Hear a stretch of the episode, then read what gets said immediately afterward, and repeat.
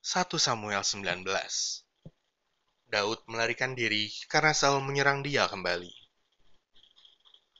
Saul mengatakan kepada Yonatan anaknya dan kepada semua pegawainya bahwa Daud harus dibunuh.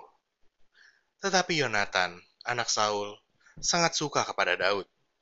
Sehingga Yonatan memberitahukan kepada Daud, Ayahku Saul berikhtiar untuk membunuh engkau. Oleh sebab itu, hati-hatilah besok pagi. Duduklah di suatu tempat perlindungan dan bersembunyilah di sana.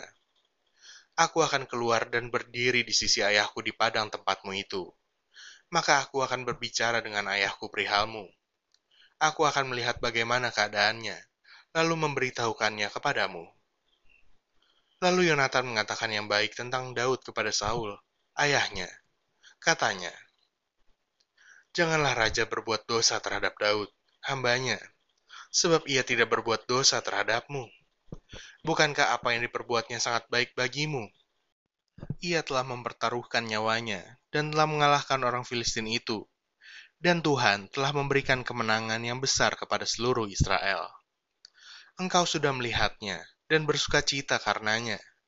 Mengapa engkau hendak berbuat dosa terhadap darah orang yang tidak bersalah dengan membunuh Daud tanpa alasan?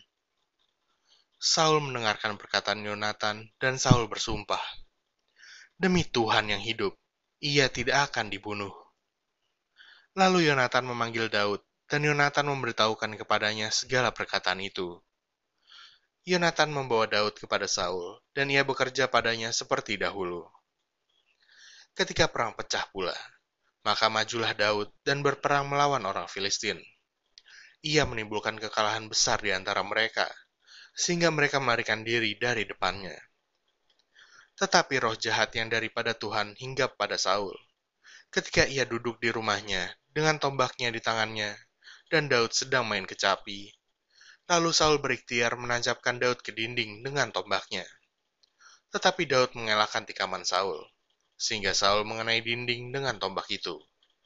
Sesudah itu, Daud melarikan diri, dan luputlah ia pada malam itu. Kemudian Saul mengirim orang-orang suruhan ke rumah Daud untuk mengamat-ngamatinya dan untuk membunuh dia pada waktu pagi. Tetapi Michal, istri Daud, memberitahukan kepadanya demikian.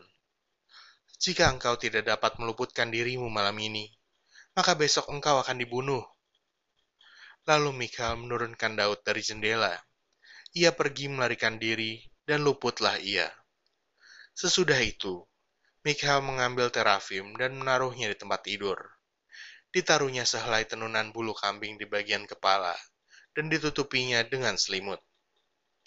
Lalu Saul mengirim orang-orang suruhan untuk mengambil Daud, tetapi perempuan itu berkata, "Ia sakit, Sesudah itu Saul mengirim orang-orang suruhan itu untuk melihat Daud. Katanya, Bawalah dia di atas tempat tidur itu kemari, supaya ia dibunuh. Lalu masuklah para suruhan itu ke dalam, dan tampaklah ada terafim di tempat tidur dengan sehelai tenunan bulu kambing di bagian kepala. Berkatalah Saul kepada Mikal, Mengapa engkau menipu aku demikian itu, dan melepas musuhku pergi sehingga ia luput? Tetapi jawab Mikal kepada Saul, Ia berkata kepadaku, Biarkanlah aku pergi. Apa perlunya aku membunuh engkau? Setelah Daud melarikan diri dan luput, sampailah ia kepada Samuel di Rama dan memberitahukan kepadanya segala yang dilakukan Saul kepadanya. Kemudian pergilah ia bersama-sama dengan Samuel, dan tinggallah mereka di Nayot. Ketika diberitahukan kepada Saul demikian, Ketahuilah, Daud ada di Nayot dekat Rama. Maka Saul mengirim orang-orang suruhan untuk mengambil Daud.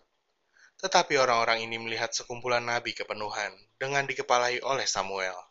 Dan roh Allah hingga pada orang-orang suruhan Saul. Sehingga mereka pun kepenuhan seperti nabi. Lalu hal itu diberitahukan kepada Saul. Ia mengirim orang-orang suruhan yang lain. Tetapi orang-orang itu pun juga kepenuhan seperti nabi Saul mengirim sekali lagi orang-orang suruhan, rombongan yang ketiga, dan orang-orang ini pun juga kepenuhan. Lalu ia sendiri pergi ke Rama. Sampainya ke dekat pergi besar yang diseku, bertanyalah ia. Katanya, Di mana Samuel dan Daud? Jawab orang, ada di Nayot, dekat Rama. Lalu pergilah ia ke sana, ke Nayot, dekat Rama, dan pada dia pun hinggaplah roh Allah. Dan selama ia melanjutkan perjalanannya, ia kepenuhan seperti nabi, hingga ia sampai ke Nayot dekat Rama. Ia pun menanggalkan pakaiannya, dan ia pun juga kepenuhan di depan Samuel. Ia rebah, terhantar dengan telanjang sehari-harian, dan semalam-malaman itu. Itulah sebabnya orang berkata, apakah juga Saul termasuk golongan nabi